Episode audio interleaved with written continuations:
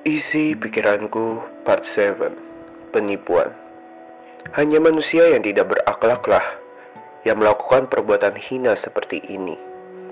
Maupun kondisi saat ini atau tidak, mereka sudah tidak memikirkannya. Mereka sudah tidak mempunyai hati untuk berpikir. Hukum agama sudah dibutakan oleh materi. Mungkin saat ini mereka bahagia. Mereka hanya memikirkan kesenangan fana. Suatu hari mereka akan mati, tenggelam ke dalam jurang yang dalam. Ketika mereka meminta ampun, maka sudah terlambat. Mungkin pikiranku terlalu liar, tapi pikiranku berkata, hidupmu tidak akan tenang pada akhirnya.